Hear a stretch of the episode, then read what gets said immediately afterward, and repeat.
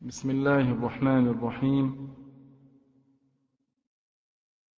الحمد لله ثم الحمد لله.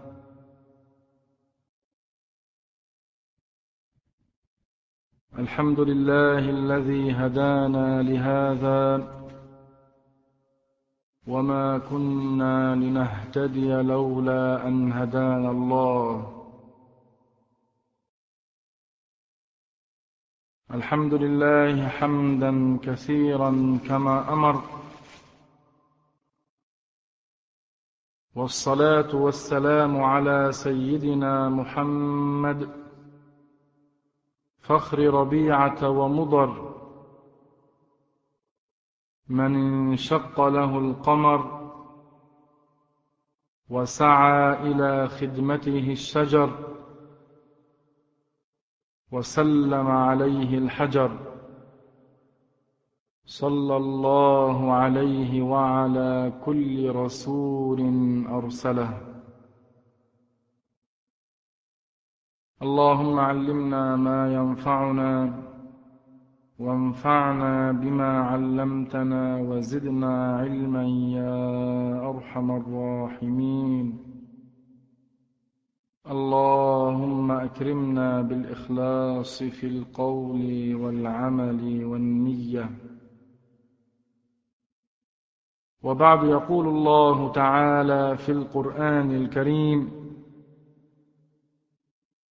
يا أيها الذين آمنوا اتقوا الله حق تقاته ولا تموتن إلا وأنتم مسلمون.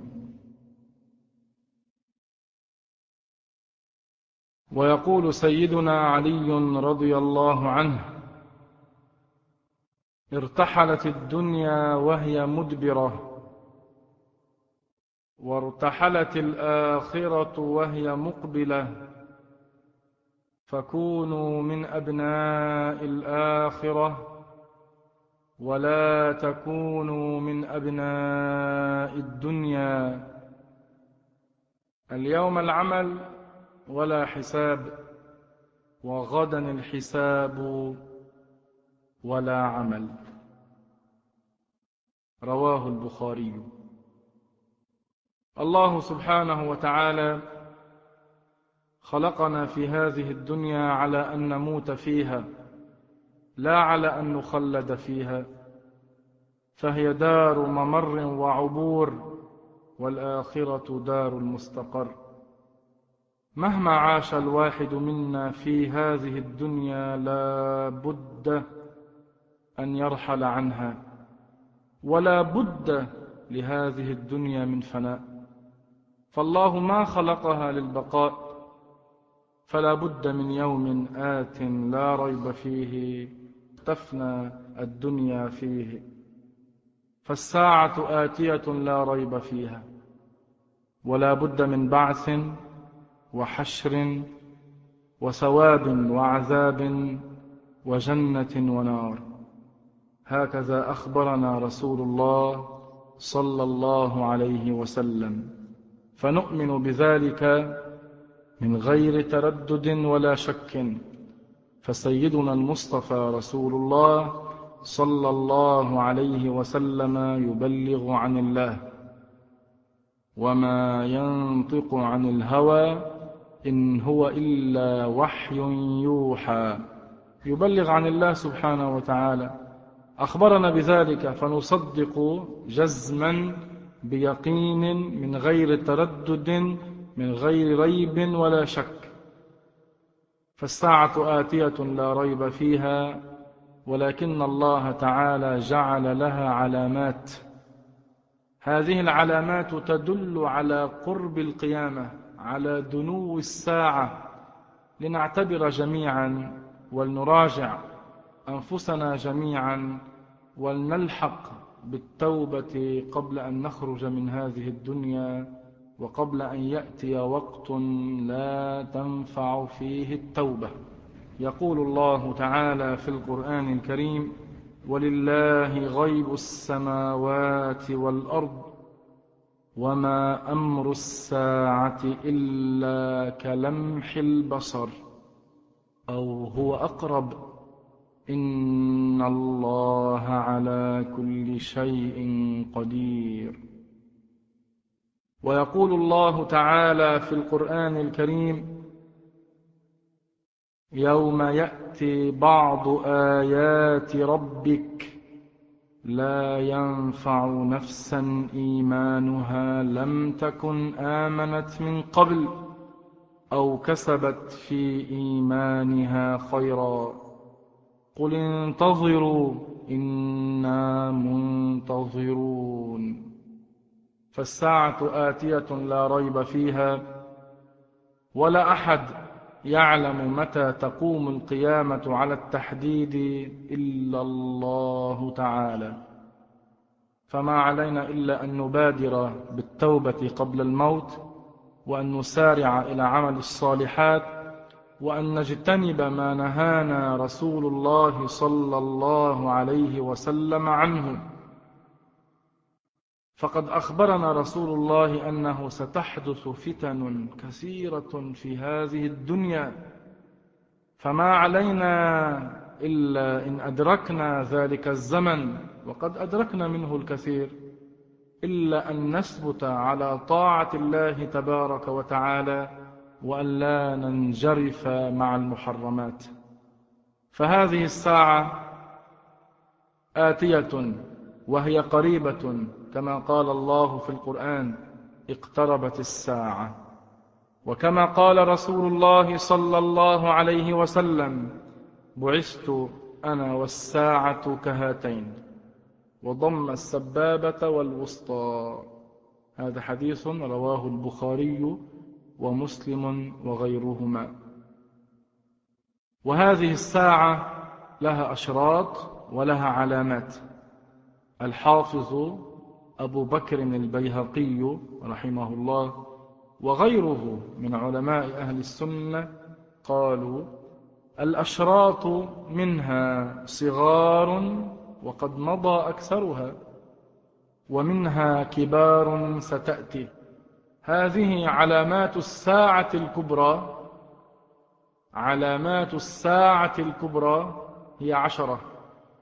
أما علامات الساعة الصغرى وهي تحصل قبل الكبرى هي كثيرة جدا.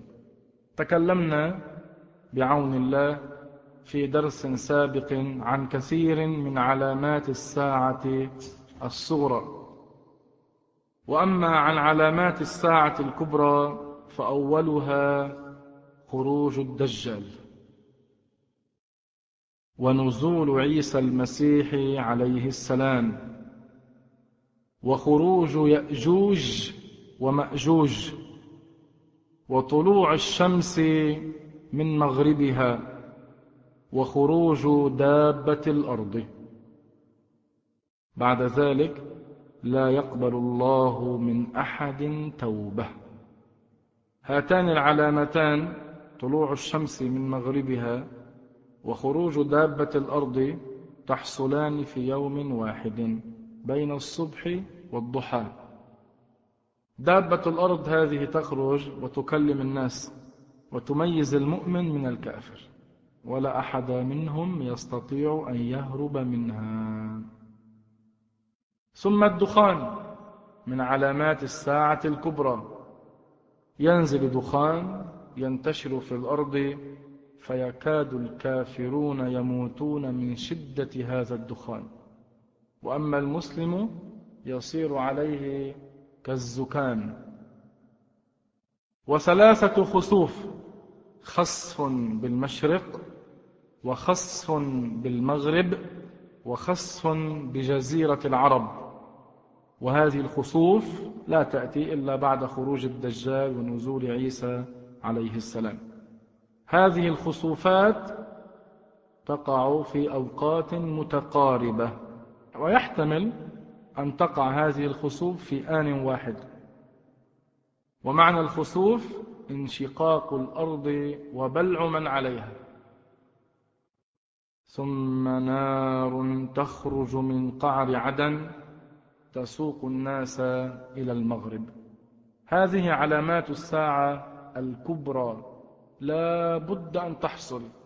كما أخبر سيدنا محمد صلى الله عليه وسلم. لا بد ورسول الله صادق في كل ما يبلغ عن الله. أمور كثيرة تحدث عنها رسول الله حدثت وحصلت والكل منا يعلم وقد رأى. وأمور ستحصل كذلك أخبر عنها سيدنا رسول الله.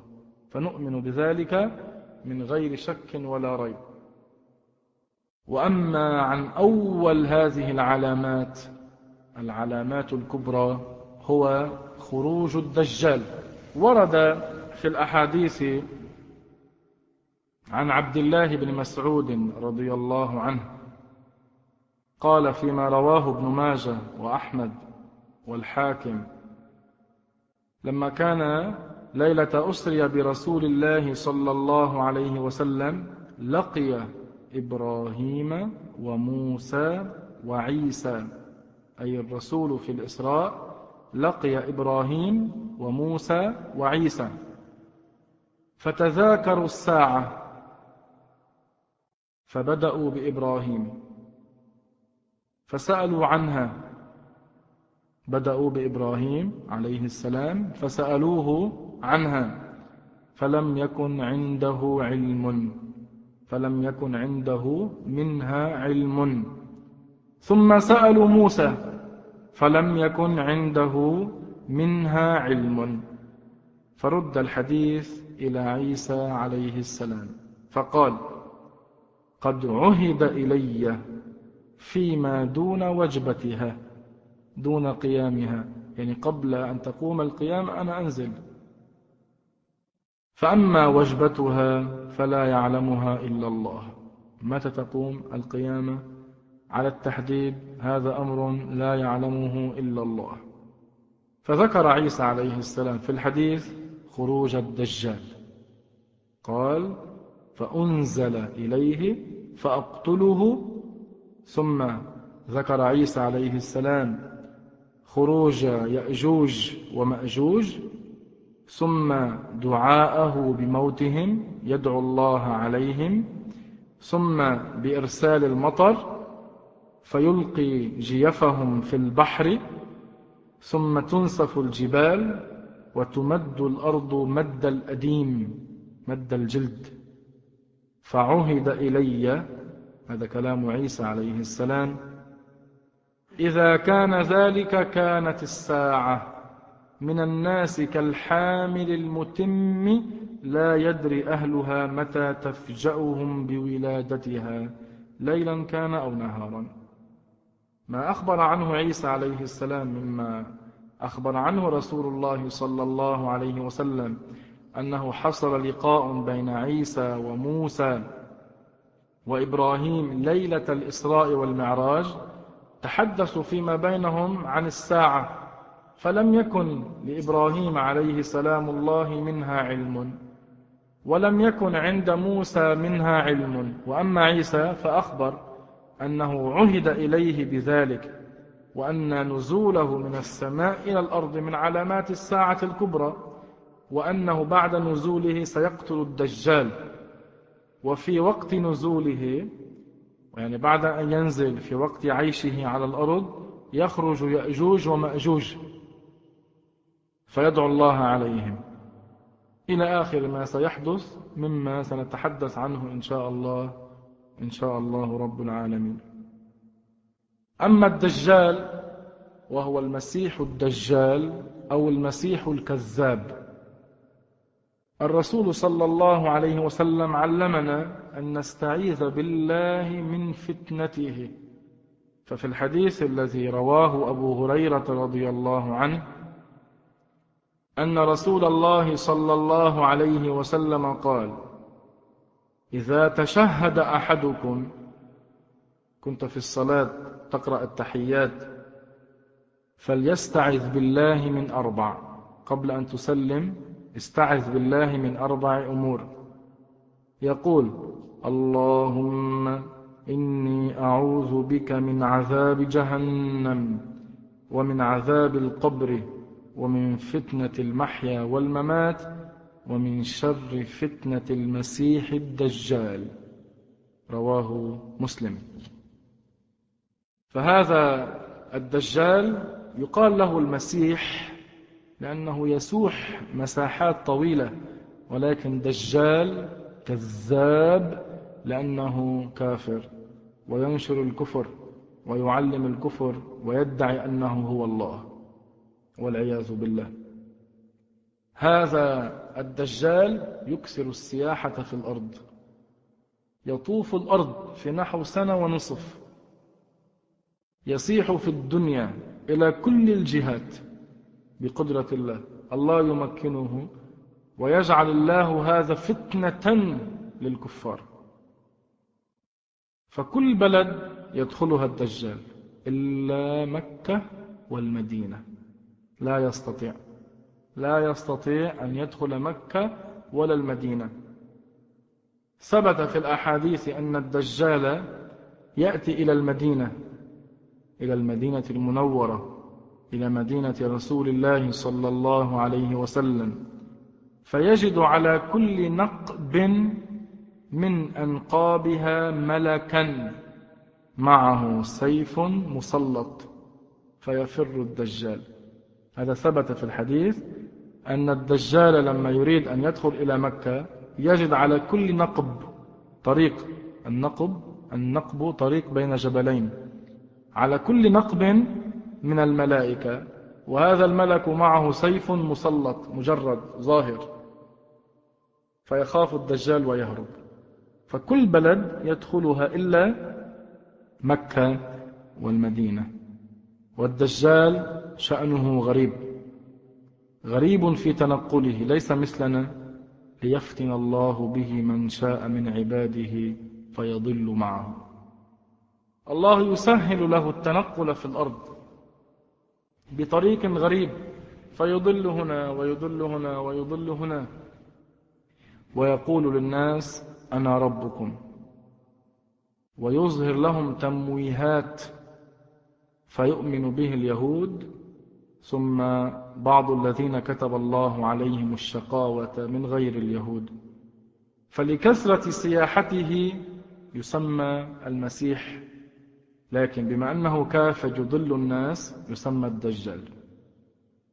لما يخرج الدجال الذين يتبعونه يؤمنون به يشبعون. يحصل لهم رخاء في العيش. الله يفتنهم. أما المؤمنون المسلمون الذين لا يتبعون الدجال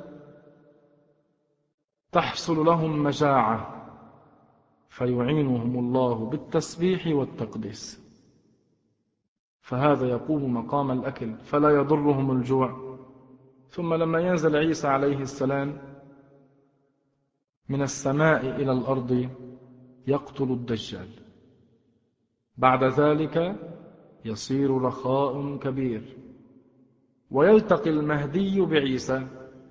وتحدثنا في درس ماض عن المهدي المنتظر عن محمد بن عبد الله المهدي المنتظر. فيلتقي المهدي بعيسى عليه السلام. لما ينزل عيسى من السماء إلى الأرض يتوجه نحو المسجد يكون المهدي يصلي الصبح أو يريد أن يصلي الصبح. فيتقدم المهدي للصلاة بعد أن يقدم عيسى. المهدي يقول لعيسى أنت اقترب أنت من الأنبياء. فعيسى عليه السلام يقدم المهدي. فيصلي المهدي إماما بعيسى. فيقول الناس ائتم نبي بولي. وهذا فيه إشارة إلى أن عيسى عليه السلام بعد نزوله إلى الأرض يحكم بالقرآن بشريعة محمد عليه الصلاة والسلام. ثم يحدث في عهد عيسى الرخاء فتخرج الأرض ما في داخلها من ذهب حتى لا يوجد إنسان يقبل الصدقة من عموم الغنى. هذا الدجال الأعور الدجال أو المسيح الدجال هو من البشر إنسان من بني آدم والظاهر أنه من بني إسرائيل.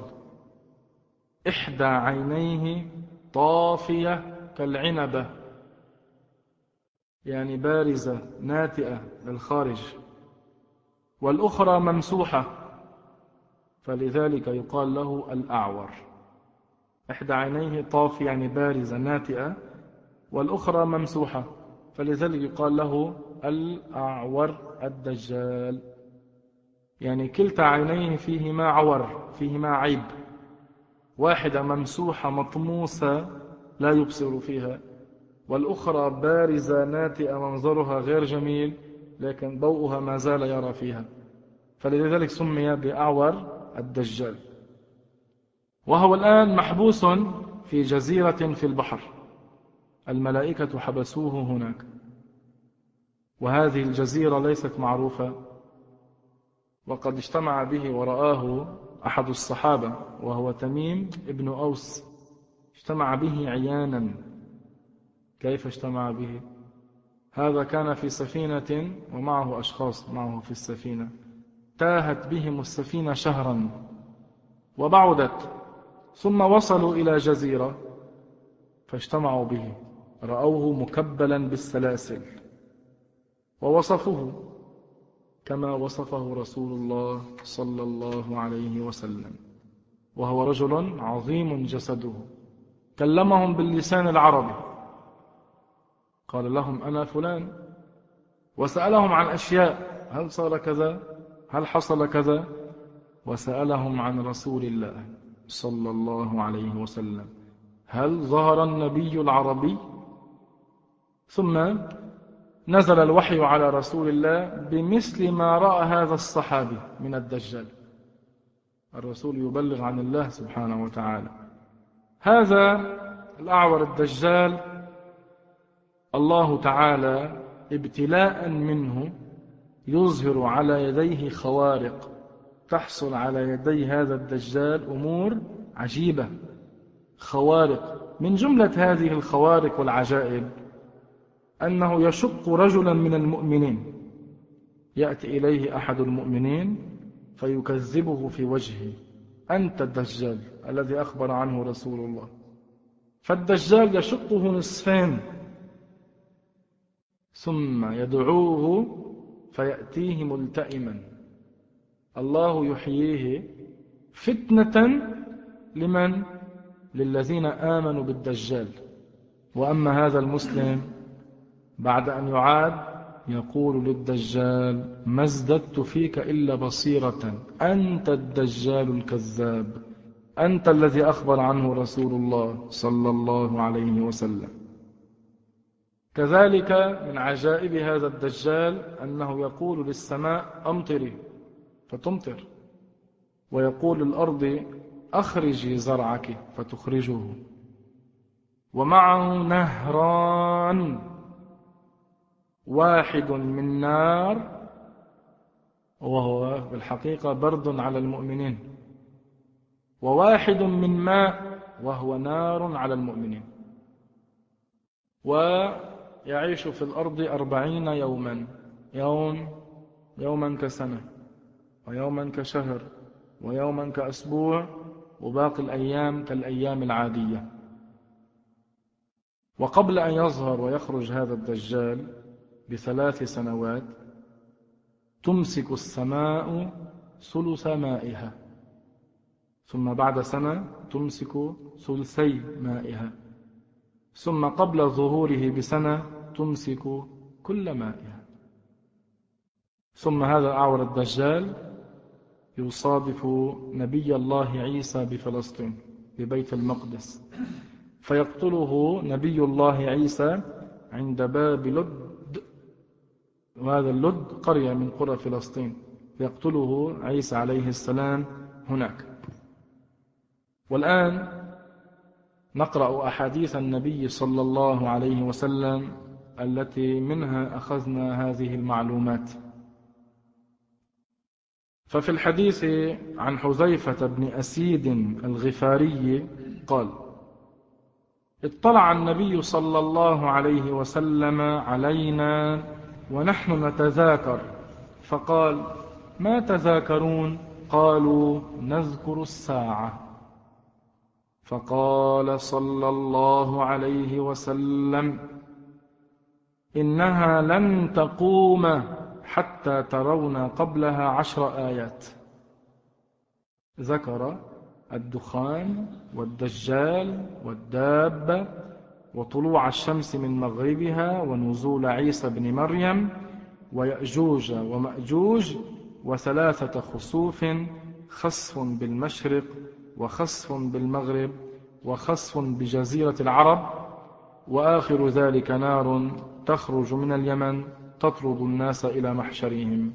هذا رواه مسلم.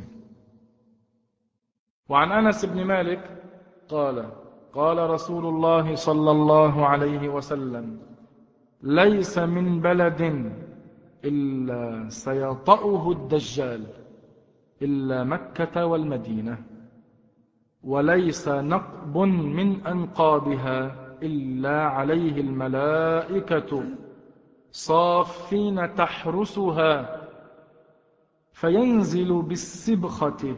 هذا الدجال ينزل بالسبخة أرض ليس فيها بنيان وليس فيها زرع قريب من المدينة.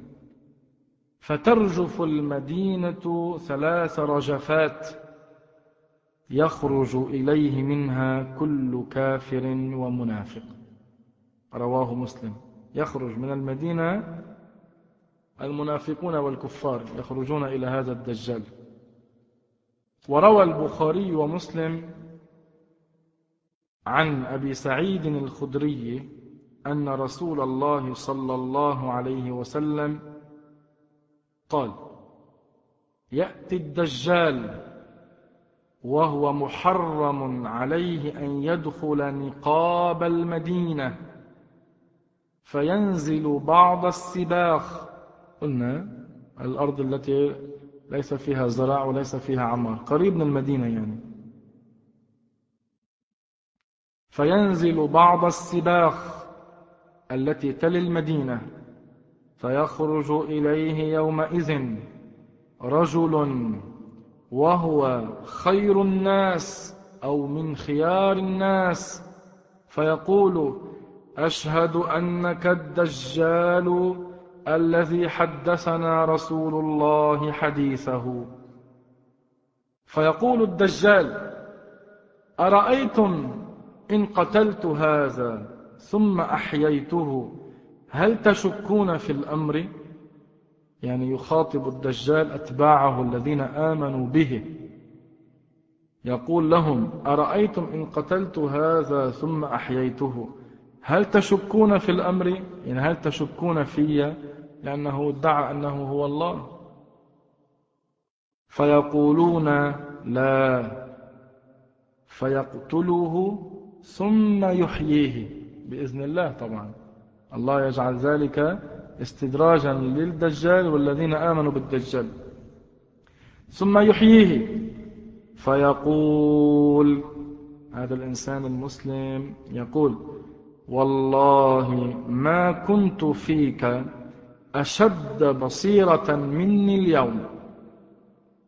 يقول له يعني أزددت بصيرة وعلما أنك أنت الدجال الكذاب الذي أخبر عنه رسول الله.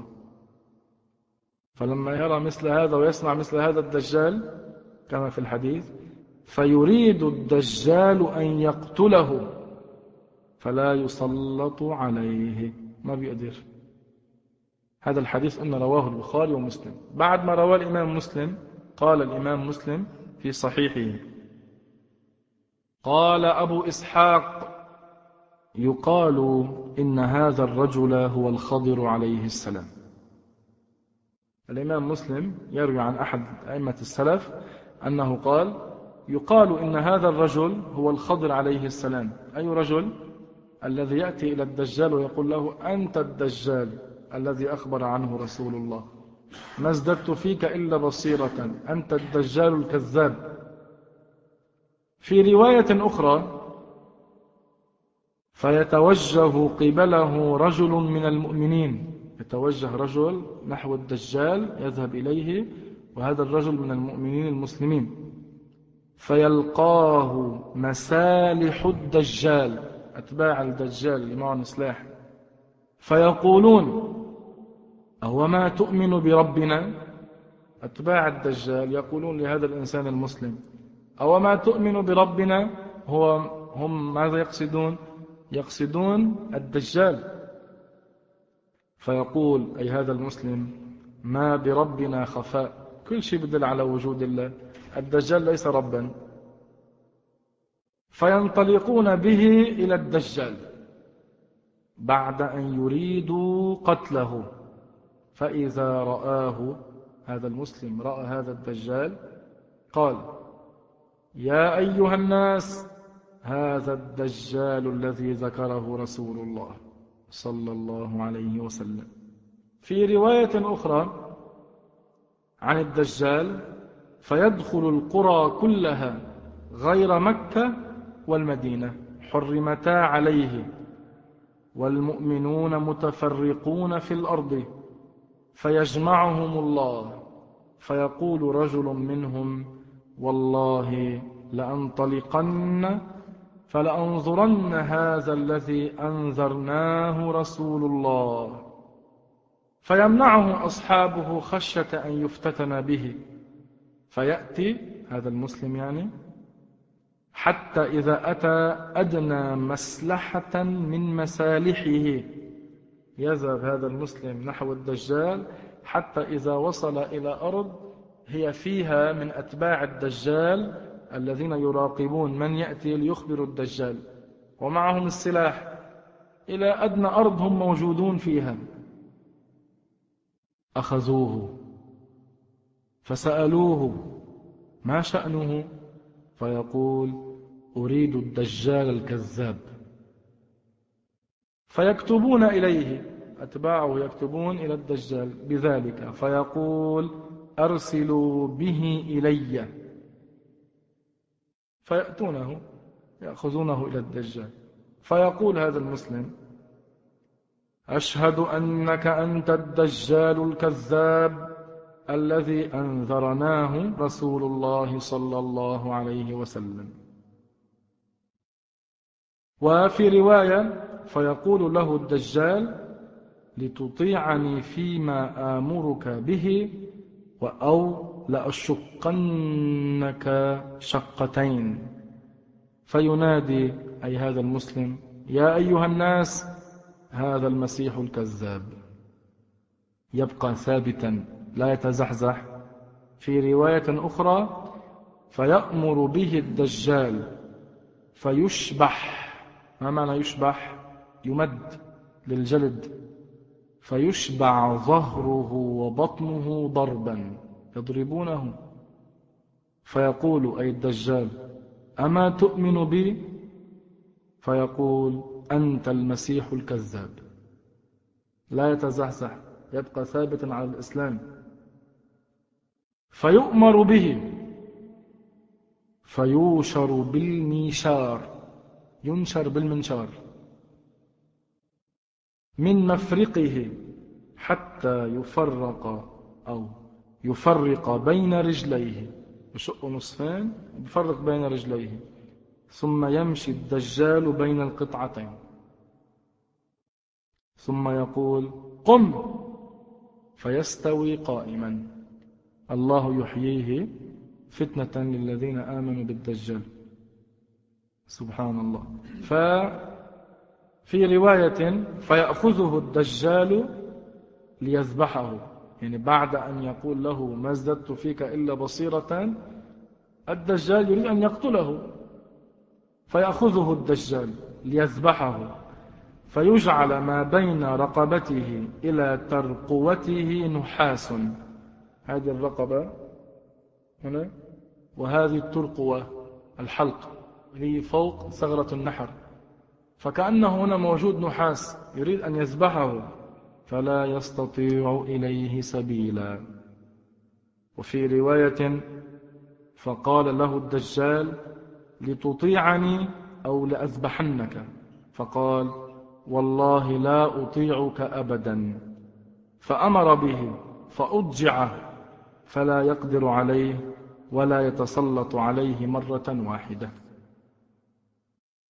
وعن أنس بن مالك قال قال رسول الله صلى الله عليه وسلم يجيء الدجال حتى ينزل في ناحية المدينة ثم ترجف المدينة ثلاث رجفات فيخرج إليه كل كافر ومنافق. رواه البخاري. وبعض العلماء ذكروا أن المقصود بالرجفة هو إشاعة خبر مجيء الدجال فيشاع الخبر أنه جاء فكل كافر ومنافق يخرج إلى هذا الدجال.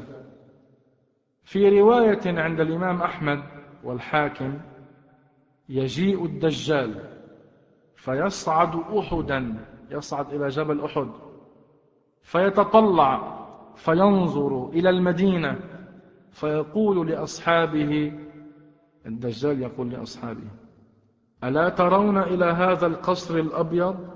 هذا مسجد أحمد. ثم يأتي المدينة فيجد بكل نقب من نقابها ملكا مصلتا سيفه مجردا سيفه أظهره فيأتي أي الدجال صبخة الجرف فيضرب رواقه. يأتي إلى تلك الأرض التي قريبة من المدينة ليس فيها زرع وليس فيها عمران فيضرب رواقه. ينزل هناك يقعد هناك. ثم ترجف المدينة. ثلاث رجفات فلا يبقى منافق ولا منافقة ولا فاسق ولا فاسقة إلا خرج إليه. فتخلص المدينة. فذلك يوم الخلاص. وفي حديث رواه البخاري كذلك أن النبي صلى الله عليه وسلم قال لا يدخل المدينة رعب المسيح الدجال ولها يومئذ سبعة أبواب على كل باب ملكان يعني من الملائكة. وفي رواية أخرجها الحاكم عن النبي صلى الله عليه وسلم أنه قال عن مسيلم الكذاب إنه كذاب من ثلاثين كذابا قبل الدجال وأنه أي الدجال ليس بلد إلا يدخله رعب الدجال إلا المدينة. على كل نقب من أنقابها ملكان يذبان عنها رعب المسيح أي المسيح الدجال. وهذا تم شرحه. وفي حديث آخر في البخاري عن عبد الله بن عمر رضي الله عنهما أن النبي صلى الله عليه وسلم قال عن الدجال بعد أن ذكره إني لأنذركموه وما من نبي إلا وقد أنذره قومه. حتى الأنبياء قبل سيدنا محمد حذروا أمم من الدجال. قال عليه الصلاة والسلام ولكني سأقول لكم فيه قولا لم يقله نبي لقومه. إنه أعور. من هو؟ الدجال. إنه أعور. وإن الله ليس بأعور. رواه البخاري. هذا الحديث فيه بيان. تكذيب الدجال. يدعي أنه هو الله هذا الدجال وهو أعور. الله رب العالمين سبحانه وتعالى موصوف بصفات تليق به وصفاته أزلية أبدية. من صفات الله الواجب له السمع والبصر والحياة ونحو ذلك. فالله تعالى موصوف بصفة البصر ولكن بصره ليس كبصرنا. نحن بصرنا بحدقة أو بآلة أخرى. ربنا سبحانه وتعالى رب العالمين بصره ليس كبصرنا. هذا فيه إثبات أن الله موصوف بصفة البصر وأن بصر الله لا يشبه بصرنا. هذا الحديث لا يعني كما فهم منه المشبهة أن الله تعالى بصره يشبه نوعا ما بصر البشر. هذا تكذيب للقرآن للآية ليس كمثله شيء. وعن أنس رضي الله عنه قال قال النبي صلى الله عليه وسلم ما بعث نبي إلا أنذر أمته الأعور الكذاب ألا إنه أعور وإن ربكم ليس بأعور وإن بين عينيه مكتوب كافر. رواه البخاري. في رواية مكتوب بين عينيه كاف فاء راء. في رواية كذلك مكتوب بين عينيه كافر. ثم تهجاها الرسول فقال كافر يقرأه كل مسلم. في رواية يقرأه الأمي والكاتب. في رواية يقرأه كل مؤمن كاتب وغير كاتب. الكل من المسلمين يقرؤون بين عيني الدجال كافرا أما الكافر الذي يؤمن بالدجال لا يبصر هذا لا يرى. أما المؤمن الله يريه هذا. وفي حديث رواه الترمذي وأبو داود لم يكن نبي بعد نوح إلا وقد أنذر قومه الدجال. وفي رواية عند الإمام أحمد لقد أنذره نوح أمته والنبيون من بعده. إن الأنبياء عليهم سلام الله حذروا أممهم من الدجال. حذروا أممهم من الدجال. وكذلك سيدنا محمد صلى الله عليه وسلم حذر أمته من الدجال. ففي صحيح البخاري عن النبي صلى الله عليه وسلم أنه قال عن الدجال أعور عين اليمنى. كأنها عنبة طافية. ما معنى طافية؟ بارزة ناتئة للخارج. وكذلك في صحيح البخاري عن عبد الله بن عمر أن رسول الله صلى الله عليه وسلم قال بين أنا نائم. يعني رأيت في منامي الرسول يقول أطوف بالكعبة. فإذا رجل آدم صبط الشعر ينطف أو يهراق رأسه ماء. يعني الرسول يقول أنا في المنام رأيت أطوف أنا بالكعبة وأنا أثناء طوافي بالكعبة رأيت رجلا آدم يعني أسمر. سمرة خفيفة من سمرة شديد المقصود هنا. صبط الشعر. شعره صبت ينطف أو يهراق رأسه ماء. يقطر من رأسه الماء. يعني ينزل من رأسه الماء. قلت من هذا؟ قالوا ابن مريم. هذا عيسى عليه السلام. يصف لنا الرسول شكله. أن عيسى عليه السلام أسمر سمرة خفيفة. ليس أبيضا مشرقا ولا أسود. يسمى عندنا في لغتنا في لبنان بالحنطاوي. عيسى عليه سلام الله. هكذا شكله. وهكذا لما ينزل سيكون. عيسى عليه سلام الله. فتابع للحديث. يقول الرسول ثم ذهبت. ألتفت. فإذا رجل جسيم أحمر. جعد الرأس. يعني شعراته مجعدين شديد الجعودة. أعور العين كأن عينه عنبة طافية. بارزة ناتئة. قالوا هذا الدجال. هذا الحديث رواه البخاري. في رواية للإمام مالك أن الرسول عليه السلام يقول رأيت رجلا آدم كأحسن ما أنت راء من أدم الرجال.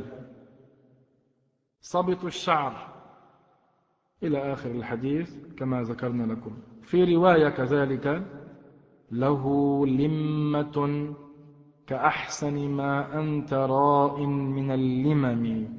معناه الرسول صلى الله عليه وسلم يقول أنه رأى عيسى في المنام ورأى له لمة. ما معنى لمة؟ شعر.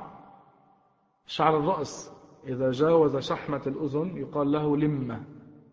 فقال كأحسن ما أنت راء من اللمم.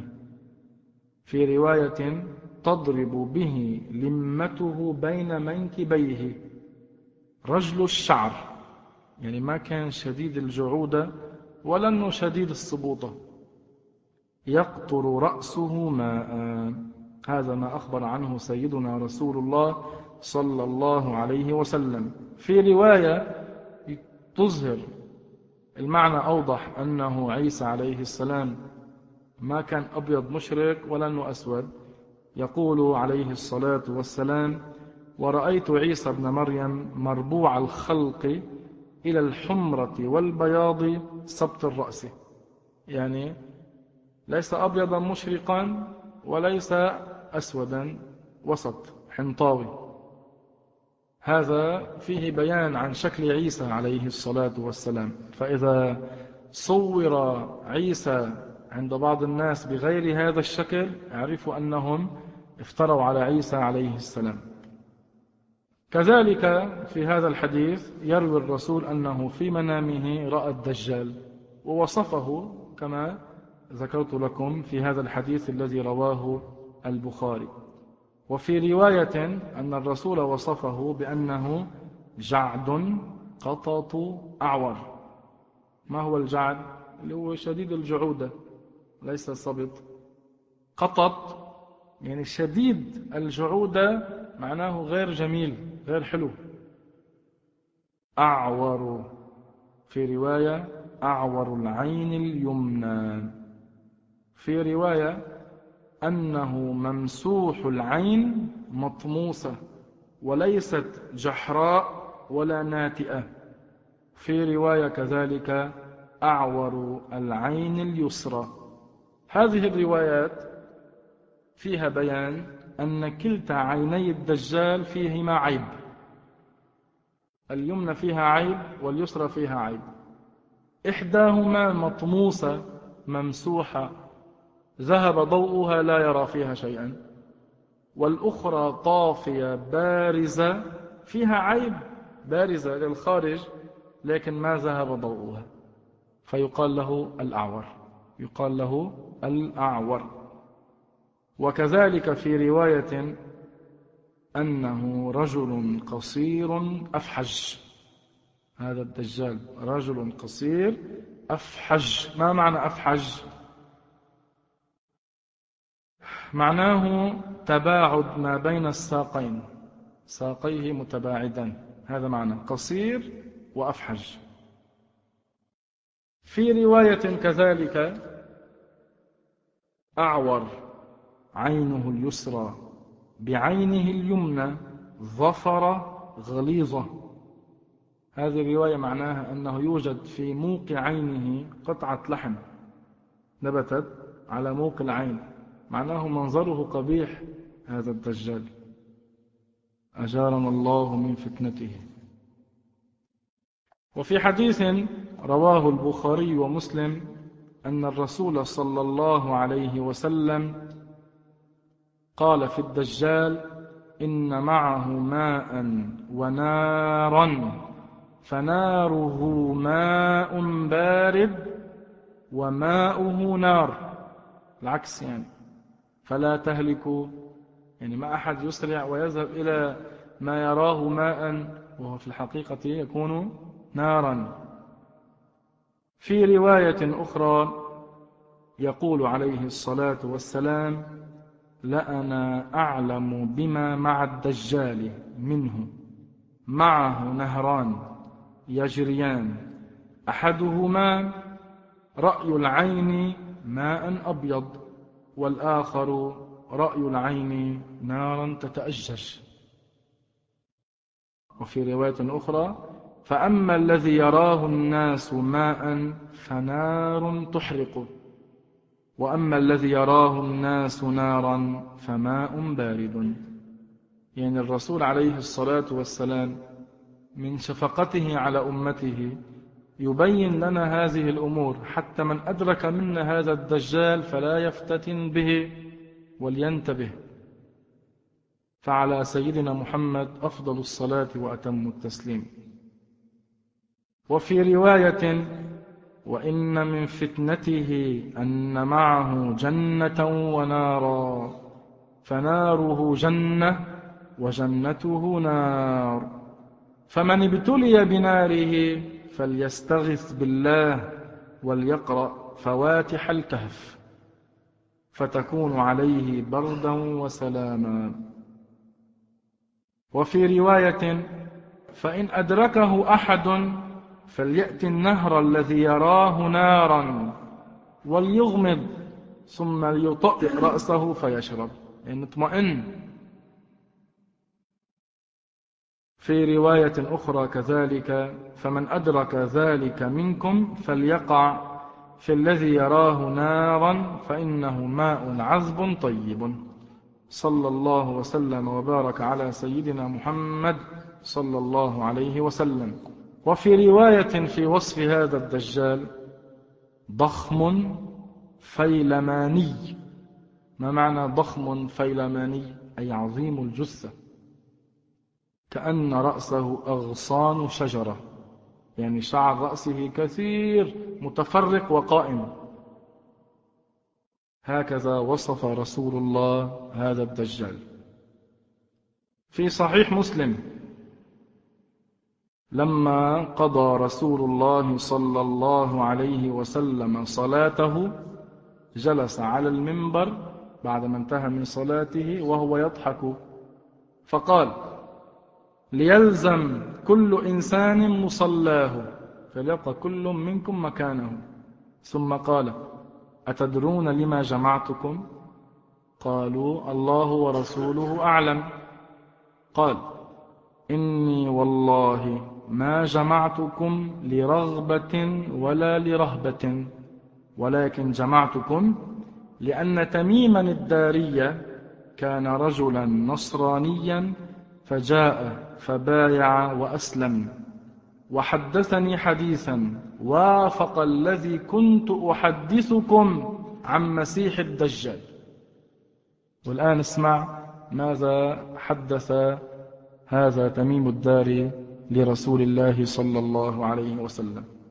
قال حدثني أنه ركب في سفينة بحرية مع ثلاثين رجلا.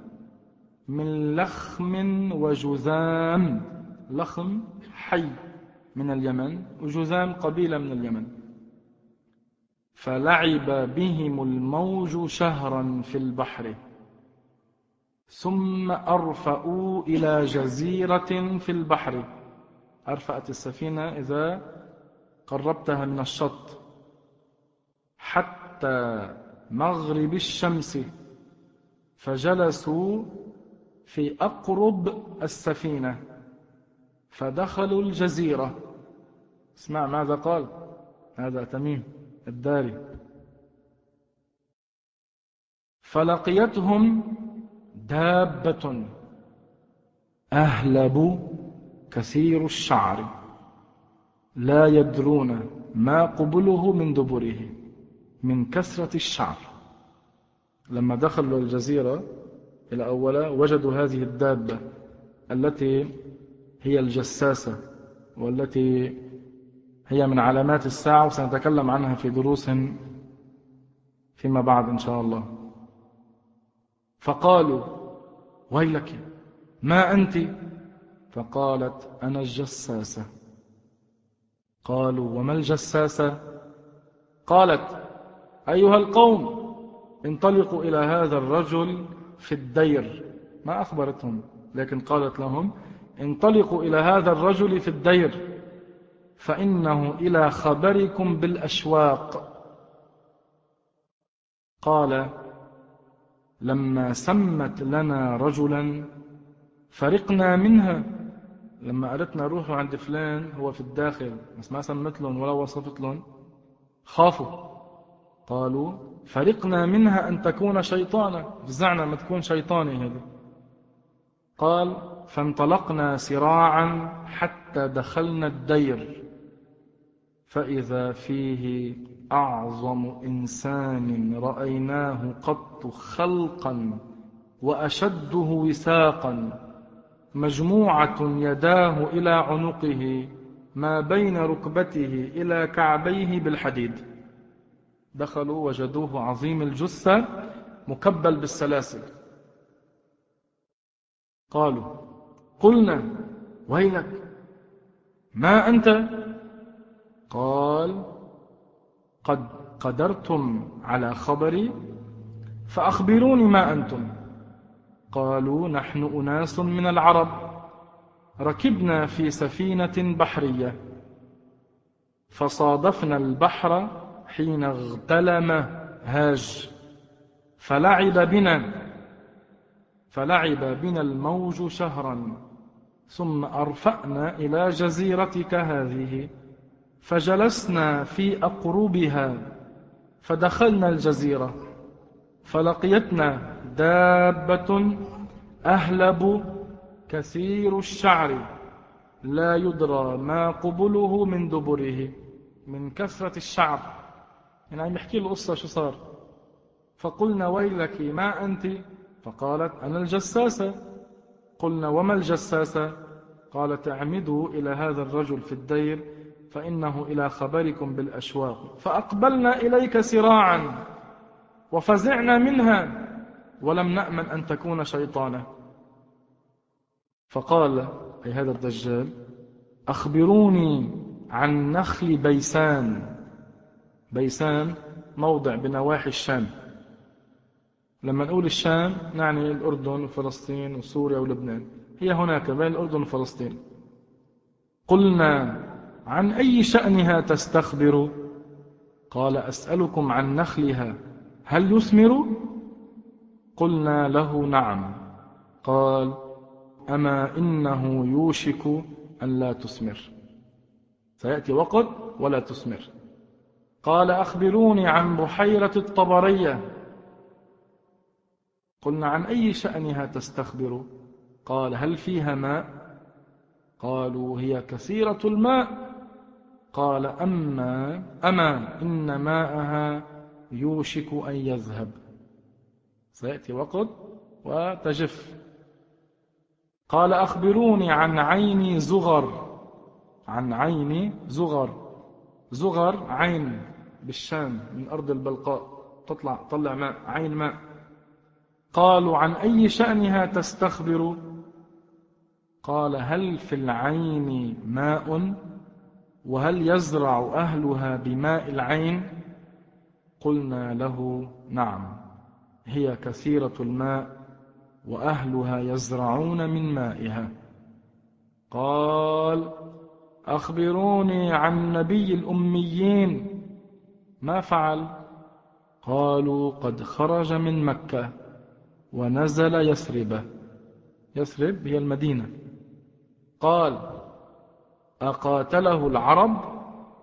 قلنا نعم. قال فكيف أو كيف صنع بهم؟ فأخبرناه أنه قد ظهر على من يليه من العرب وأطاعوه. قال لهم قد كان ذلك؟ هذا حصل؟ قلنا نعم.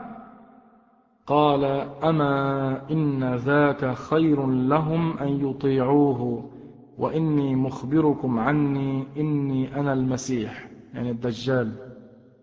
وإني أوشك أن يؤذن لي في الخروج فأخرج فأسير في الأرض فلا أدع قرية إلا هبطتها في أربعين ليلة غير مكة وطيبة. فهما محرمتان علي. كلتاهما كلما أردت أن أدخل واحدة أو واحدا منهما استقبلني ملك بيده السيف صلتا. مجردا. رفع يصدني عنها وإن على كل نقب منها ملائكة يحرسونها. سبحان الله فالرسول لما تحدث بهذا كما أخبره بذلك تميم الداري كان الرسول قد حدثهم عن هذا الدجال ووصفه لهم وأخبر بهذه الأمور الرسول صلى الله عليه وسلم. هذا تميم الداري قبل أن يسلم لما تاهت به السفينة واجتمع بالدجال ورأى شكله وسمع منه قص ذلك على الرسول صلى الله عليه وسلم. وكان الرسول قد أخبر قومه وأمته بذلك. فقال الرسول صلى الله عليه وسلم هذه طيبة هذه طيبة هذه طيبة. يعني المدينة. خاطب الناس فقال ألا هل كنت حدثتكم ذلك؟ ما أخبرتكم بهذا أنا قبل الآن؟ قال الناس نعم. صلى الله على سيدنا محمد صلى الله عليه وسلم. هذه رواية في مسلم. وفي رواية أخرى إن تميما الدارية حدث النبي صلى الله عليه وسلم بهذه القصة. ونروي لكم هذه الرواية بهذا الشكل. قال إن ناسا من أهل فلسطين ركبوا سفينة في البحر فجالت بهم حتى قذفتهم في جزيرة من جزائر البحر. فإذا هم بدابة لباسة ناشرة شعرها فقالوا ما أنت؟ قالت أنا الجساسة. قالوا فأخبرينا. قالت لا أخبركم ولا أستخبركم. ولكن ائتوا أقصى القرية فإن ثم هناك من يخبركم ويستخبركم. قال تميم فأتينا أقصى القرية. فإذا رجل موثق بسلسلة فقال أخبروني عن عين زغر. قلنا ملأ تدفق. قال أخبروني عن البحيرة. يعني طبرية. قلنا ملأ تدفق. قال أخبروني عن نخل بيسان الذي بين الأردن وفلسطين. وهل أطعم؟ قلنا نعم. قال أخبروني عن النبي. هل بعث؟ قلنا نعم. قال أخبروني كيف الناس إليه؟ قلنا سراع. قال تميم. فنزى نزوة يعني هذا الدجال كاد أن يهجم عليهم حتى كاد أن يعني يثب عليهم. قلنا فما أنت؟ قال أنا الدجال. وإنه يدخل الأمصار كلها إلا طيبة وطيبة هي المدينة. هذا رواه الترمذي. نذكر لكم بعض الروايات لأنه في بعضها أكثر مما في الأخرى. كذلك في رواية أخرى أن النبي صلى الله عليه وسلم قال إنه حبسني حديث كان يحدثنيه تميم الداري عن رجل كان في جزيرة من جزائر البحر. قال تميم فإذا أنا بامرأة تجر شعرها. قال ما أنت؟ قالت الجساسة. اذهب إلى ذلك القصر فأتيته. فإذا رجل يجر شعره مسلسل في الأغلال ينزو فيما بين السماء والأرض يعني يقفز ويسب. فقلت من أنت؟ قال أنا الدجال. خرج نبي الأميين بعد؟ قلت له نعم. قال أطاعوه أم عصوه؟ قلت بل أطاعوه قال ذاك خير لهم رواه أبو داود. وفي حديث كذلك صلى رسول الله صلى الله عليه وسلم ذات يوم وصعد المنبر وكان لا يصعد عليه قبل ذلك إلا يوم الجمعة فاشتد ذلك على الناس فمن بين قائم وجالس. اعتادوا على الرسول عليه السلام أنه إذا صعد المنبر يكون يوم الجمعة. فهو صعد بعد الصلاة ما كان يوم جمعة. فأشار إليهم بيده أن اقعدوا فإني والله ما قمت مقامي هذا لأمر ينفعكم لرغبة ولا لرهبة ولكن تميما الدارية أتاني. فأخبرني خبرا. منعني القيلولة من الفرح وقرة العين فأحببت أن أنشر عليكم فرح نبيكم.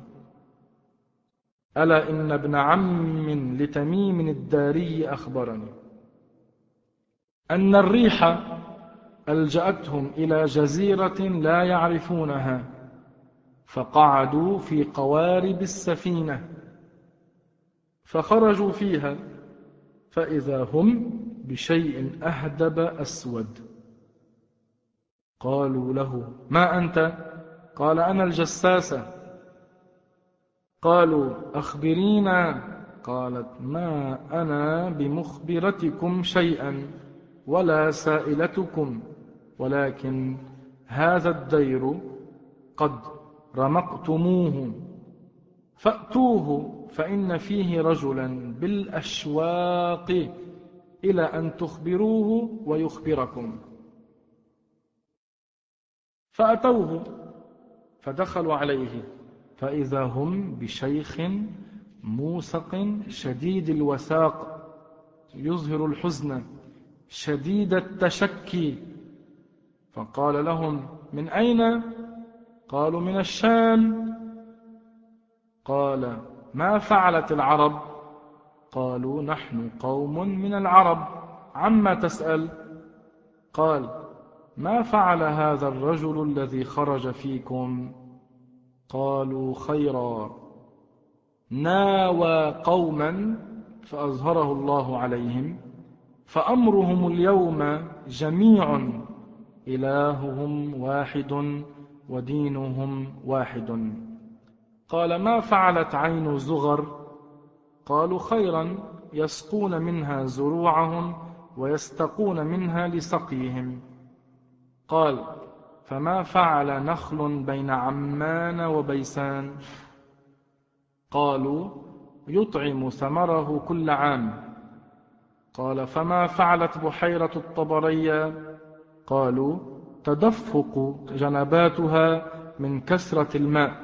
كثرة ما عندها ماء تدفق جنباتها قال تميم فزفر ثلاث زفرات ثم قال لو انفلت من وساقي هذا لم أدع أرضا إلا وطئتها برجلي هاتين إلا طيبة ليس لي عليها سبيل.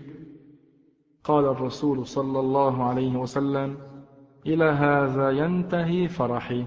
هذه طيبة والذي نفسي بيده ما فيها طريق ضيق ولا واسع ولا سهل ولا جبل إلا وعليه ملك شاهر سيفه إلى يوم القيامة.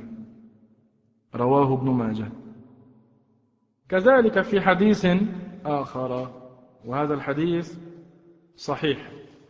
وفيه فوائد كثيرة ومختصر لكثير من الأمور التي ذكرناها. عن النواس بن سمعان قال ذكر رسول الله صلى الله عليه وسلم الدجال ذات غداة فخفض فيه ورفع. بعض العلماء قالوا يعني فخفض بعد طول كلام ليستريح ثم رفع ليبلغ صوته لكل أحد. قال النواس حتى ظنناه في طائفة النخل كثرة ما حدثنا الرسول عن الدجال. ظننا أنه في طائفة النخل مكان قريب فيه نخل من المدينة المنورة. فلما رحنا إليه عرف ذلك فينا. ظنناه أنه في طائفة النخل فذهبنا إلى الرسول من كثر ما حدثنا عن الدجال. فقال ما شأنكم؟ قلنا يا رسول الله ذكرت الدجال غداة فخفضت فيه ورفعت حتى ظنناه في طائفة النخل. فقال رسول الله صلى الله عليه وسلم غير الدجال أخوفني عليكم. يعني أنا أخاف عليكم من أمر أكثر من خوفي عليكم من الدجال. ستحدث أمور شديدة أخاف عليكم منها. أما هذا الدجال مكتوب بين عينيه كفارة مثل بعض من يدعي المشيخة ويعلمون الكفر.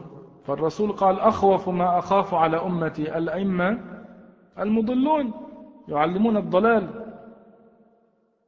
قال عليه الصلاة والسلام إن يخرج الدجال وأنا فيكم فأنا حجيجه دونكم. أنا بحميكم أنا بساعدكم أنا بدافع عنكم. وإن يخرج ولست فيكم فامرؤ حجيج نفسه. والله خليفتي على كل مسلم. إن علينا بالتقوى والطاعة. فكل واحد منا هو حجيج نفسه بدافع عن نفسه بطاعة الله بتقوى الله سبحانه وتعالى. لأنه في أول الأمر لما الرسول أنذر قومه وأمته من الدجال ما كان بعد قد أوحي إليه أنه لا يظهر في حياتك يا محمد. ثم بعد ذلك أوحى الله إليه أنه لا يظهر في حياتك يظهر فيما بعد. متى يظهر؟ من علامات الساعة الكبرى. وخروج الدجال كذلك من الأمور التي لا نعلمها. هذا أمر يعلمه الله سبحانه وتعالى. متى يخرج على التحديد؟ هذا أمر يعلمه الله عز وجل. قال عليه الصلاة والسلام عن هذا الدجال إنه شاب قطط عينه طافئة. شرحنا لكم هذا. قال فمن أدركه منكم فليقرأ عليه فواتح سورة الكهف. إنه خارج خلة بين الشأم والعراق. سيخرج في طريق بين الشام وبين العراق. فعاث يمينا وعاث شمالا. يفسد يمينا ويفسد شمالا. الآن هو محبوس في جزيرة مكبل. يخرج في الوقت الذي شاء الله له أن يخرج. الآن هو مكبل.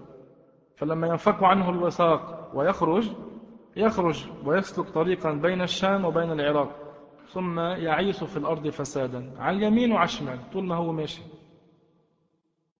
يا عباد الله فاثبتوا. هكذا يقول الرسول. قلنا يا رسول الله. أحد الصحابة أو بعض الصحابة قالوا وما لبسه في الأرض. كم يمكث في الأرض؟ ده بيعيش قال أربعون يوما. يوم كسنة ويوم كشهر ويوم كجمعة يعني كأسبوع. وسائر أيامه كأيامكم. أربعين يوم. يوم كسنة يوم كشهر يوم كأسبوع. باقي الأيام كالأيام العادية يعني حوالي سنة ونصف يمكث في الأرض هذا الدجال المسيح الدجال. قلنا يا رسول الله فذلك اليوم الذي كسنة. أتكفينا فيه صلاة يوم؟ يوم كسنة. تكفينا فيه صلاة يوم فقط؟ قال لا. اقدروا له قدره. عم يعلمنا الرسول صلى الله عليه وسلم إن أدركنا ذاك الوقت الذي هو يوم كسنة أن لا نكتفي بصلاة يوم بل نقدر تقدير على حسب ما تعلمنا وتعودنا وهو أنه من الصبح إلى الظهر وقت وقت كذا من الظهر إلى العصر وقت كذا من العصر للمغرب من المغرب عشاء عشاء إلى الصبح معناه في هذا اليوم الذي تتأخر فيه الشمس فيصير كأنه مر سنة وهو في الحقيقة هكذا يكون كسنة. لا نكتفي بصلاة يوم نقدر الوقت. صلينا الصبح. ثم نقدر تقدير على ما مضى قبل ذلك. من الصبح إلى الظهر كم وقت كم ساعة؟ ثم نصلي الظهر ثم العصر ثم المغرب ثم العشاء ثم الصبح وهكذا كما علم الرسول صلى الله عليه وسلم. قلنا يا رسول الله وما إسراعه في الأرض؟ قال كالغيث استدبرته الريح فيأتي يعني سريع فيأتي على القوم فيدعوهم يأتي على بعض الناس يدعوهم إلى الإيمان به فيؤمنون به ويستجيبون له. يذهب إلى بعض الناس يدعي أنه هو الله فيصدقونه ويؤمنون به. فيأمر السماء فتمطر والأرض فتنبت. هذه من العجائب التي يظهرها الله على يديه فتنة له ولأتباعه. يقول للسماء أمطري فتمطر. يا أرض أخرجي زرعك فتخرج. فتروح عليهم سارحتهم. هؤلاء الذين آمنوا به واتبعوه سبق أن قلت لكم أنهم يصبحون في رخاء عيش. أما الذين آمنوا المسلمون المؤمنون يصبحون في مجاعة وسيمر معنا في الحديث ماذا عوض الله هؤلاء المؤمنين بدل الطعام والشراب؟ قال فتروح عليهم سارحتهم يعني الماشي اللي عندهم عند هؤلاء الذين آمنوا بالدجال تروح ترجع آخر النهار وتسرح تذهب أول النهار إلى المرعى ثم ترجع. أطول ما كانت ذرا وأسبغه ضروعا وأمده خواصرة. هؤلاء الذين آمنوا به يصبحون في رخاء فيقول للسماء أمطري فتمطر وللزرع أن ينبت فينبت. وعندهم من المواشي من الإبل من البقر من الغنم ونحو ذلك. فماشيتهم لما تذهب إلى المرعى وترجع تأكل فترجع مليئة ضروعها مليئة باللبن.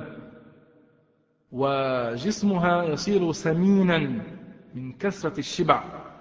قال ثم يأتي القوم. يذهب إلى جماعة آخرين من الناس. فيدعوهم. يقول لهم آمنوا بي. فيردون عليه. فيردون عليه قوله. ما بيأمنوا فيه؟ ما بيصدقوه. فينصرف عنهم. من هؤلاء المسلمين اللي ثبتوا. فيصبحون ممحلين. ليس بأيديهم شيء. اللي هم المسلمون المؤمنون بالله والرسول اللي ثبتوا على الإسلام وكفروا بأعور الدجال الله تعالى يبتليهم. وهذا من فتن الدنيا فعلى المسلم أن يصبر. فيصبحون ممحلين يعني مصابين بالجدب والقحط ما عندهم. ليس بأيديهم شيء من أموالهم. ما معهم شيء؟ يعني يصبحون في شدة شديدة. فلذلك من أدرك منا ذلك الزمن عليه أن يصبر وأن لا يتزحزح عن طاعة الله بل يثبت على الإسلام دين الأنبياء. هذه فتنة أرادها الله سبحانه وتعالى يضل بها من يشاء ويثبت الله تعالى المسلمين ويمر بالخريبة. هذا الدجال يمر بأرض خراب. فيقول لها أخرجي كنوزك. فتتبعه كنوزها كيعاسيب النحل سبحان الله. يدخل إلى أرض خربة هذا الدجال هذه من العجائب. فيقول لهذه الأرض أخرجي كنوزك. طلعي أخرجي الكنز. فيخرج الكنز ويتبعه كيعاسيب النحل يعني كجماعة النحل هكذا يحصل. اليعسوب هو أمير النحل. إذا تقدم في الأمام النحل كلهم يتبعوه. ثم يدعو رجلا ممتلئا شبابا فيضربه بالسيف. هذا الدجال يضربه لهذا المسلم بالسيف. فيقطعه جزلتين قطعتين. رمية الغرض. يعني يجعل بين الجزلتين مقدار رميته ثم يدعوه فيقبل ويتهلل وجهه يضحك. فبينما هم كذلك إذ بعث الله المسيح ابن مريم فينزل عند المنارة البيضاء شرقي دمشق بين مهرودتين. ثوبين مصبوغين واضعا كفيه على أجنحة ملكين. إذا طأطأ رأسه قطر نزل. وإذا رفعه تحدر كمان منه جمان كاللؤلؤ. يعني الجمان هو حبات من فضة لكن المقصود بالحديث أنه بينزل منه ماء من صفاء هذا الماء كأنه لؤلؤ. فلا يحل لكافر يجد ريح نفسه. يعني لابد أن يقع. فإذا أحد الكفار وصل إليه نفس عيسى إلا مات. يعني الذي يصل إليه نفس عيسى من الكفار يموت هذا الكافر. ونفسه نفس عيسى ينتهي حيث ينتهي طرفه. آخر مد بصره. فيطلبه. عيسى عليه السلام يطلب هذا الدجال. ثم يدركه بباب لد لد قلنا قرية من قرى فلسطين. فيقتله عيسى يقتل الدجال. أيوة. وهذا الحديث له تابع. نذكره إن شاء الله في درس لاحق. فيه بيان أنه ماذا يحدث في أيام عيسى عليه السلام وأن يأجوج ومأجوج يخرجون في أيام عيسى وماذا سيحصل؟ وماذا سيحصل؟ فإن شاء الله في درس لاحق نكمل هذا الموضوع عن سيدنا عيسى عليه السلام وما يحدث في أيامه. الحديث الذي ذكرناه رواه مسلم. وفي حديث آخر يقول عليه الصلاة والسلام إنه لم تكن فتنة في الأرض منذ ذرأ الله ذرية آدم أعظم من فتنة الدجال. وإن الله لم يبعث نبيا إلا حذر أمته الدجال. وأنا آخر الأنبياء وأنتم آخر الأمم وهو خارج فيكم لا محالة. وإن يخرج وأنا بين ظهرانيكم فأنا حجيج لكل مسلم. وإن يخرج من بعدي فكل امرئ حجيج نفسه. والله خليفتي على كل مسلم. وإنه يخرج من خلة بين الشام والعراق في سبيل طريق بينهما. فيعيث يفسد يمينا ويعيث شمالا. يا عباد الله فاثبتوا فإني سأصفه لكم. صفة لم يصفها إياه نبي قبلي. إنه يبدأ فيقول أنا نبي ولا نبي بعدي. ثم يسني فيقول أنا ربكم ولا ترون ربكم حتى تموتوا. وإنه أعور. وإن ربكم ليس بأعور. وإنه مكتوب بين عينيه كافر يقرأه كل مؤمن كاتب أو غير كاتب. وإن من فتنته أن معه جنة ونارا فناره جنة وجنته نار. فمن ابتلي بناره فليستغث بالله وليقرأ فواتح الكهف فتكون عليه بردا وسلاما كما كانت النار على إبراهيم. هذا من شفقة الرسول علينا. فأنت مهم الأشياء تحفظها وتعلمها لأولادك. عسى أن يدرك واحد منهم هذا الدجال حتى تحفظ أولادك من شر فتن الدجال. وإن من فتنته أن يقول لأعرابي أرأيت إن بعثت لك أباك وأمك؟ أتشهد أني ربك؟ فيقول نعم. فيتمثل له شيطانان في صورة أبيه وأمه. فيقولان يا بني اتبعه فإنه ربك. هذا من الفتن اللي تحصل بروح عند بعض الناس بيقول له يحيي لك أباك وأمك إن أحيت لك أمك وأباك تؤمن بي أني ربك والعياذ بالله يقول هذا. نعم أصدق أؤمن. فشيطانان من الشياطين يتصوران بصورة أبيه وأم هذا الإنسان الأعرابي.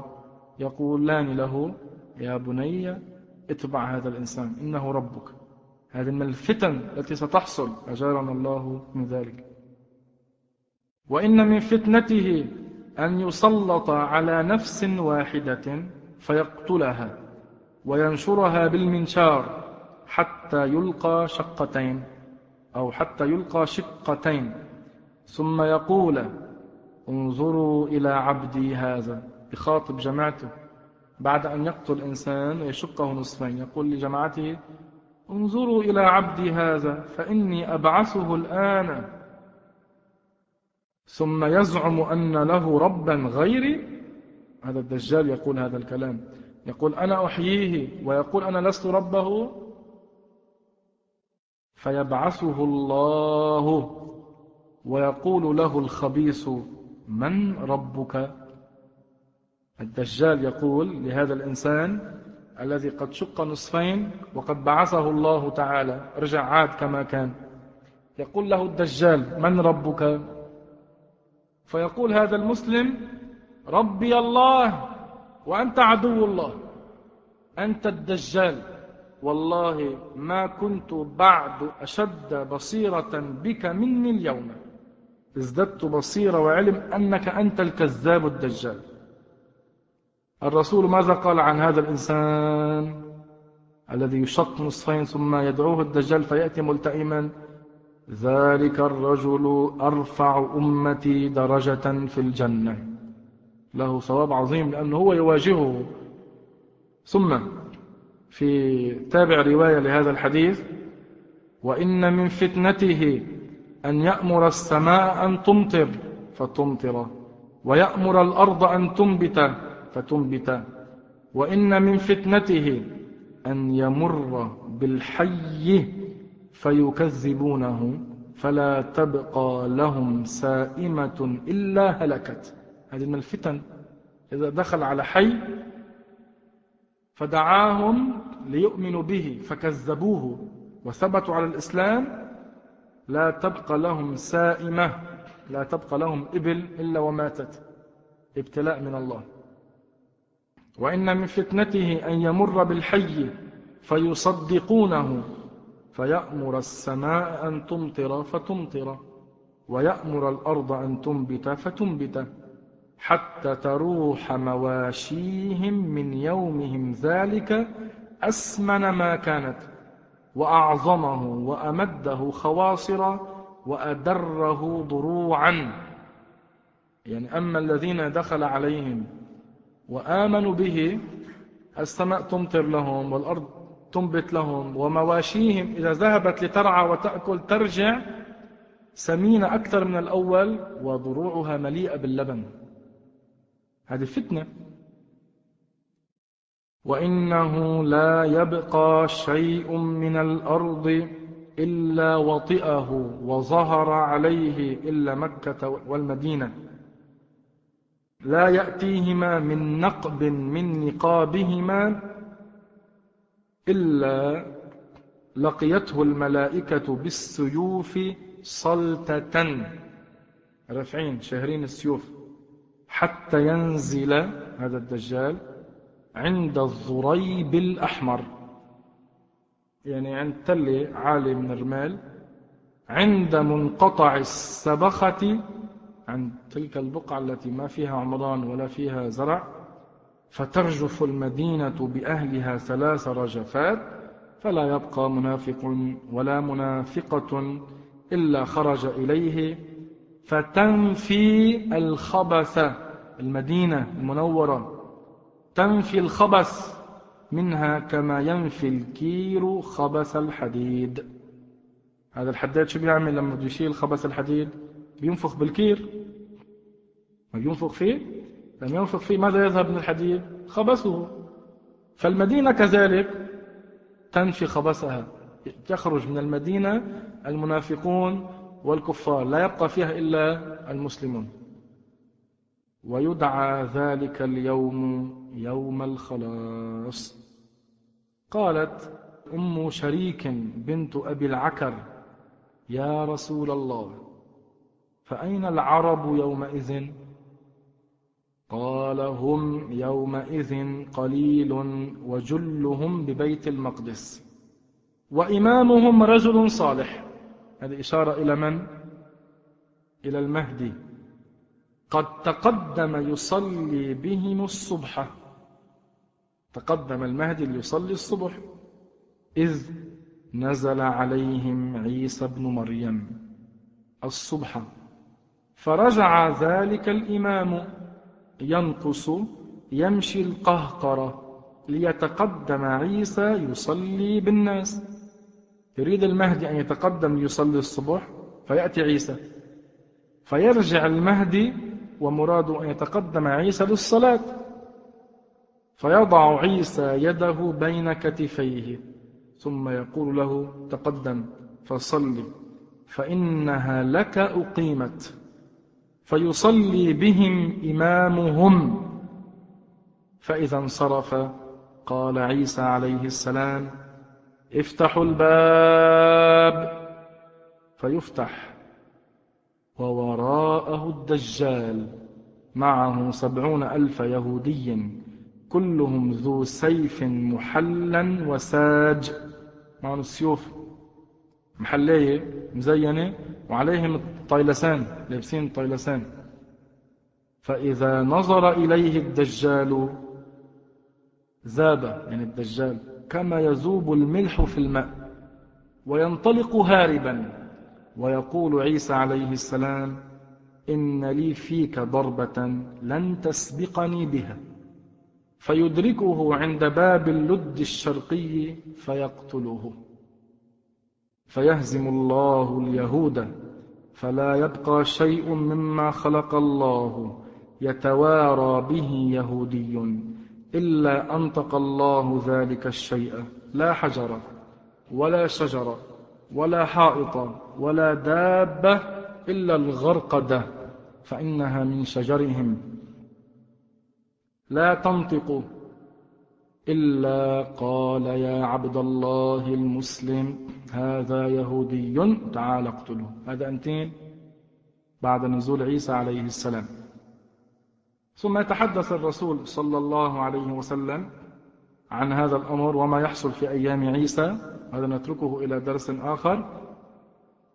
ولكن مما ذكر في هذا الحديث وإن قبل خروج الدجال ثلاث سنوات شداد يصيب الناس فيها جوع شديد. يأمر الله السماء في السنة الأولى أن تحبس ثلث مطرها ويأمر الأرض فتحبس ثلث نباتها. ثم يأمر السماء في الثانية فتحبس ثلثي مطرها. ويأمر الأرض فتحبس ثلثي نباتها ثم يأمر الله السماء في السنة الثالثة فتحبس مطرها كله. فلا تقطر قطرة ويأمر الأرض فتحبس نباتها كله. فلا تنبت خضراء. فلا تبقى ذات ظلف إلا هلكت إلا ما شاء الله. يعني البقر والغنم والشياه ونحو ذلك. قيل فما يعيش الناس في ذلك الزمان؟ قال التهليل والتكبير والتسبيح والتحميد ويجرى ذلك عليهم مجرى الطعام. هذا ما أخبرناكم عنه وهذا في حديث النبي صلى الله عليه وسلم. في آخر درسنا هذا نذكر أن هذا الحديث الأخير رواه ابن ماجه وروى عن أحد أئمة السلف الذين رووا هذا الحديث أنه قال ينبغي أن يدفع هذا الحديث إلى المؤدب. حتى يعلمه الصبيان في الكتاب.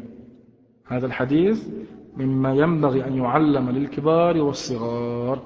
نسأل الله سبحانه وتعالى أن يحفظنا من فتن الدجال. إن الله على ما نسأله قدير وبعباده لطيف خبير.